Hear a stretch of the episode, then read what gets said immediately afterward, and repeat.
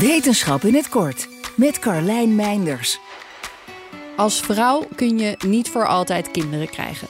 Even los van wat ouderdom met het lichaam doet, raken de eitjes simpelweg op. Dat geldt voor vrijwel alle zoogdieren op aarde, waarbij vele diersoorten op het moment dat ze onvruchtbaar worden ook maar meteen stoppen met leven. Nu blijkt er tenminste één uitzondering te zijn op die beperkte vruchtbaarheid. En hoe kan het ook anders? Dat is de naakte molrat. Dit diertje, dat er precies zo uitziet als de naam doet vermoeden, verbaast wetenschappers keer op keer.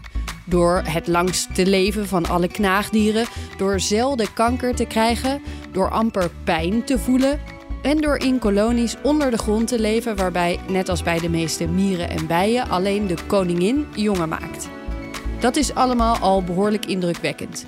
Maar nu blijken vrouwtjes gedurende hun leven ook nog eens even vruchtbaar te blijven, hoe oud ze ook worden.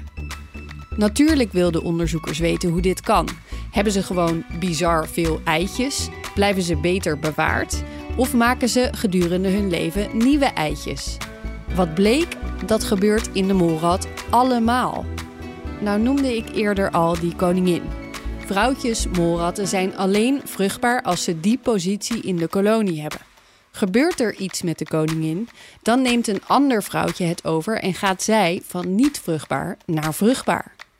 Dat in combinatie met het blijvend kunnen maken van nieuwe eitjes is volgens de onderzoekers de sleutel.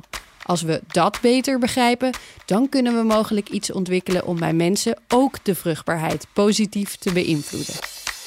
Is één minuutje wetenschap niet genoeg en wil je elke dag een wetenschapsnieuwtje? Abonneer je dan op Wetenschap vandaag. Nieuw 10 is ook duidelijk voor pizzabakkers. Je vraagt lekker snel een zakelijke lening aan.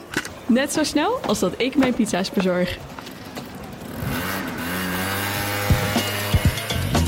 Duidelijk voor ondernemers. Nieuw 10, je doelen dichterbij. Een initiatief van ABN AMRO.